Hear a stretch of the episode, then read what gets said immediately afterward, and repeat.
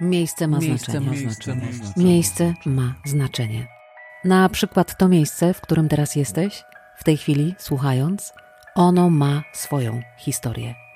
I jeżeli czujesz relacje z tym miejscem, to w jakiś sposób kontynuujesz jego historię, dosyć konkretną.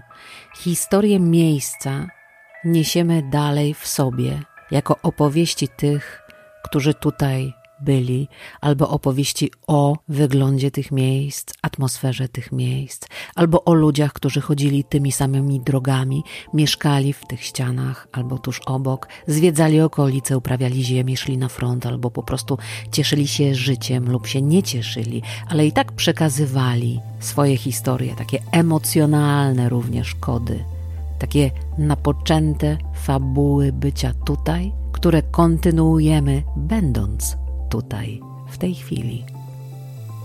No dobrze, to był taki wstęp, który przypominał, że miejsce, miejsce ma znaczenie. A tym miejscem, które ma znaczenie nie tylko dla mnie i jest właściwie dosyć symboliczne, jest Białowieża. Do tego żywiołu, którym jesteśmy, którym każdy z nas jest, zaglądamy za sprawą pamięci i przy pomocy pamięci sięgamy do historii tych miejsc, w których jesteśmy albo które przywołujemy w pamięci. Co jednak pamiętamy tak naprawdę? Tylko, że słuchaj, ja tego ci też jakby nie, nie no powiem, no bo nie tak, wiem. Bo właśnie, no. No, no. no dobra, to powiedz mi to, co mówiła mama. Wiesz, mama mi tego jakby nigdy nie powiedziała, tak? Tylko jak żeśmy rozmawiały o tamtych czasach, to nigdy też absolutnie nie wypływały sprawy polityczne. To był taki temat, który z jakiegoś powodu po prostu nie wypływał. I w ogóle umówmy się, że nie jest to sensacyjna obserwacja i nic za tym nie stoi wielkiego, po prostu. Życie polityczne, tak zwany wielki świat, to była jedna strona medalu, a życie małej społeczności, realne, krążyło wokół takich drobnych, codziennych spraw. I tworzyło coś bardziej uniwersalnego niż emocje związane z polityką. I właśnie dlatego pójdziemy tropem codzienności bo to jest uniwersalne i bardzo często trafia w samo sedno tego świata. Dla niej to było, wiesz, wesołe jakby życie. Cały tydzień się pracowało, ale przychodziła gdzieś tam ta sobota i można było założyć sobie uszytą przez siebie sukienkę nową i pójść na tą potańcówkę. To jest Joanna dla osób postronnych, tak zwanych, dla mnie Asia, to do domu, bo chodziłyśmy razem do szkół, do dwóch. Gadamy o ważnych sprawach. Rodzina Asi mieszka w Białowieży od kilku pokoleń i jest wpisana w to miejsce bardzo mocno. I ja wiem, że tutaj też jest wdrukowana w komórki pamięć chociażby bieżeństwa, taki spadek po przodkach. Jeden z wielu takich historycznych wątków, które mogą mieć znaczenie dla nas, współczesnych i dla przyszłych pokoleń. Ale tym razem spotkawszy się, porozmawiałyśmy o kobietach z kiedyś, o mieszkankach tej wsi, które tkały i które tkają wciąż taką białowieską rzeczywistość. I postanowiłyśmy przywołać wspomnienia związane z mamą Asi, która niedawno odeszła, cofnąć się do lat jej młodości, do lat 60. i przy pomocy takich urywków spróbować spojrzeć na tę wieś jeszcze inaczej. W tamtym czasie wcale nie było łatwo o pracę w Białowieży. Na pewno było jako taką dużą bazą pracy dla kobiet to był GS, gminna spółdzielnia, tak, gdzie były sklepy, gdzie była żubrówka, więc tam były zatrudnione panie w gastronomii, w handlu, piekarnia, rozlewnia, rozlewnia wód, a jeszcze wiem, że wtedy też produkowano w tym czasie piwo w Białowieży, więc była tak jakby rozlewnia, nie wiem, no tych napojów jakichś, tak, tam oranżady czy czegoś, plus tego piwa. Panie też pracowały jakieś w piekarni, bo było jakieś tam, chociaż Pewna nie jestem, bo wiem, że była jeszcze piekarnia i masarnia. No ale to są takie zawody, które mi się bardziej z mężczyznami kojarzą. Z hoteli to istniała Iwa, Oficjalna nazwa to Ośrodek Turystyczny IWA. Funkcjonował w Białowieży od 1968 do 1999 roku.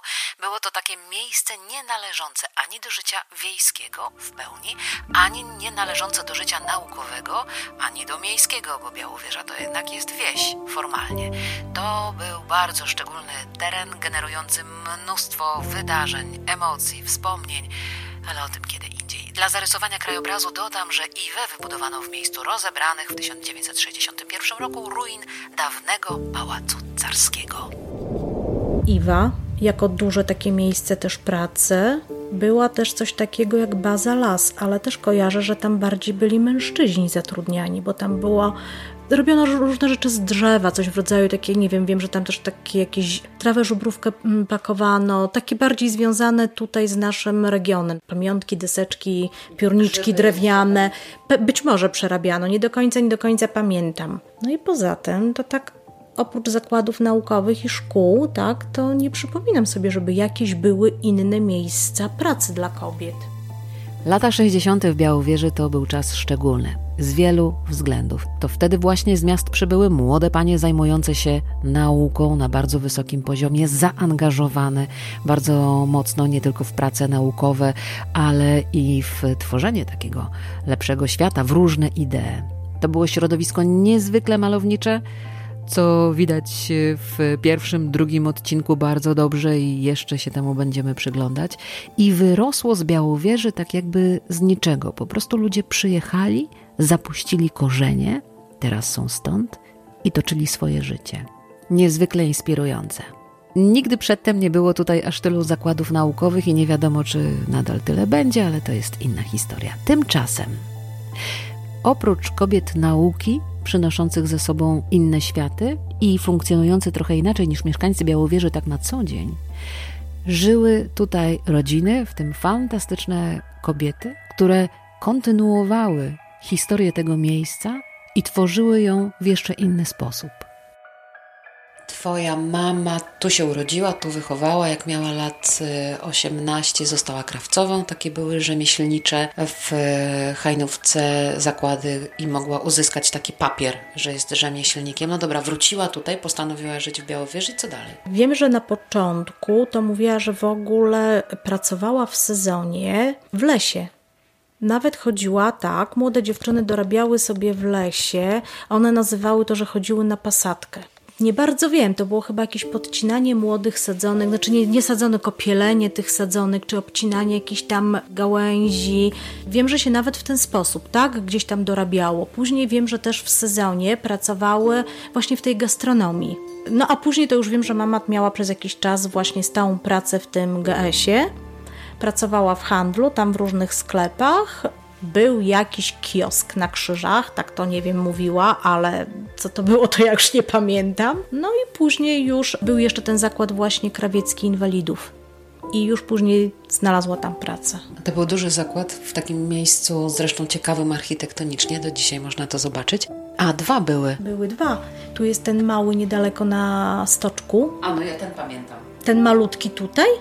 Nie, tu jest teraz ten, był później sklep, a w tej chwili ten dom jest taki oszalowany, gdzie jest ten przystanek na żądanie. I na wprost. A drugi był bliżej szkoły podstawówki, taki, no większy, na więcej Ten długi Ten taki. długi. Też był z czerwonej cegły, tylko został później oszalowany. To były w ogóle chyba jeden i drugi budynek pożydowski z czerwonej cegły. To były lata 70. już i spółdzielnia inwalidów szyła takie ubrania robocze. Robocze. Robocze, jakieś tam rękawice, ubrania robocze, coś tam, nie wiem, z tych takich właśnie roboczych rzeczy. Zakład funkcjonował na dwie zmiany. Ile pracowało na jedną zmianę, nie umiem powiedzieć, ale na pewno to było kilkanaście pań. Kilkanaście pracowało tak jakby tak na tą pierwszą zmianę i kilkanaście na drugą więc kilkadziesiąt. Dobra, tak, tak, wyglądała sprawa pracy. Natomiast jak mama Ci opowiadała o takim życiu towarzyskim, co się w Białowieży działo, jakieś imprezy, spotkania, jak, jak młodzież wtedy funkcjonowała? Na pewno było kino w Białowieży. Więc to był jakiś plus. W latach 60. Tak, tylko że to kino nie mieściło się tu, gdzie to teraz, a było gdzieś tam w parku. Na pewno było kino, na pewno były jakieś potańcówki, jakieś takie dechy. W restauracjach czy na zewnątrz? Myślę, że i to, i to. Co jeszcze? Na pewno się jakieś tam spotykały z koleżankami, tak, bo to wiem, bo było jakieś tam grono towarzyskie, że wiem, że gdzieś tam się umawiały, spotykały, rozmawiały. Tyle tylko, że na pewno nie było to takie w tygodniu. Pewnie na te spotkania to były jakieś soboty, popołudnie, ewentualnie niedzielę, dlatego że jeszcze duża grupa tych młodych dziewczyn czy chłopaków mieszkających w Białowieży to były dzieciaki, ludzie, którzy mieli jeszcze jakieś tam gospodarstwa rolne. To były zazwyczaj niewielkie, ale generujące czas, pracę, bo to nawet jeśli to było, nie wiem, 3, 4, 5 hektarów, a trzeba było to obrobić i najczęściej przy pomocy tylko konika i maszyn i, i rąk, więc to też wymagało jakby, wiesz, więcej czasu, tak? No. I obecności. A jak się twoi rodzice poznali? Nie wiem, z Białowieży byli oboje. Kurczę, prosta sprawa. Myśmy się urodziły w latach 70., więc to były lata 70. Ja się zastanawiałam, jak wiesz, jak, jak ci ludzie tutaj funkcjonowali towarzysko. No bo to towarzystwo, z którego ja wyrosłam, no to oni się spotykali po pracy, bo pracowali naukowo, tam dyskutowali. No dobrze, no ale jak reszta funkcjonowała? Bo chodzenie do restauracji, do Iwy czy do Żubrówki, to nie było tak jak dzisiaj, że wychodzisz na obiad do restauracji, bo nie chce ci się gotować.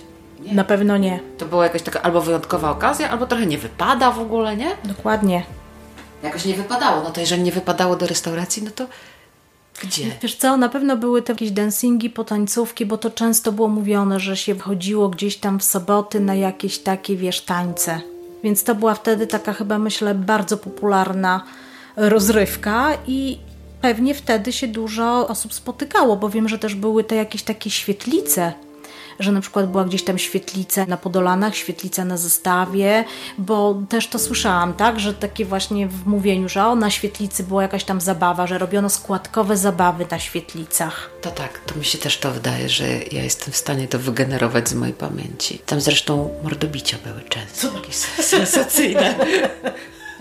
No cóż, jak na wsi. I się mówiło na wsiach, nie? Bo Białowieża to była niby, niby wieś, taka centrum centrum. Też niekoniecznie nie wiemy, jak to było tak naprawdę. Tutaj na stoczku w Sarence, to ja jak szłam do szkoły rano, to pamiętam, że się faceci po nocnych popijawach jeszcze bili. Sarenka to była taka mordownia, to taka... była taka tylko z pelunu dla facetów, tam kobiety nie chodziły. Nie, i była okropna. Okropna, bo to była taka no...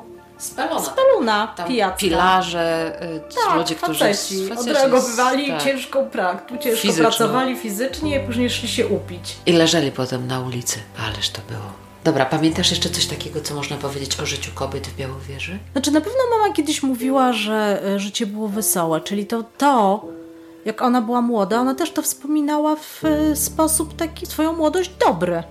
Dla niej to było, wiesz, wesołe jakby życie. Cały tydzień się pracowało, ale przychodziła gdzieś tam ta sobota i można było założyć sobie uszytą przez siebie sukienkę nową i pójść na tą potańcówkę z kimś się spotkać, porozmawiać, tak odpocząć i, i później znowu do pracy. Zajmowanie się lokalną historią to oczywiście fakty, ale i mity. To jest podążanie za tym dokładnie, co było i co kto jak powiedział, ale moim zdaniem to także rodzaj zachwytu. To realia z kiedyś, które promieniują na dziś. Bardzo lubię takie porównanie do tkaniny tkanej przez ludzi zamieszkujących to miejsce. Jeżeli się uda utkać całość, odejść kilka kroków, czyli złapać dystans, to widać, czym to jest, co jest na tym obrazie, jakie to jest. Z bliska tego dokładnie nie widać, a z drugiej strony z kolei jest podszewka. Zakulisowe sprawy. Mam wrażenie, że tkanie to jest dziedzina niezwykle kobieca i że to kobiety utkały Białowieżę kiedyś i tkają ją do dziś.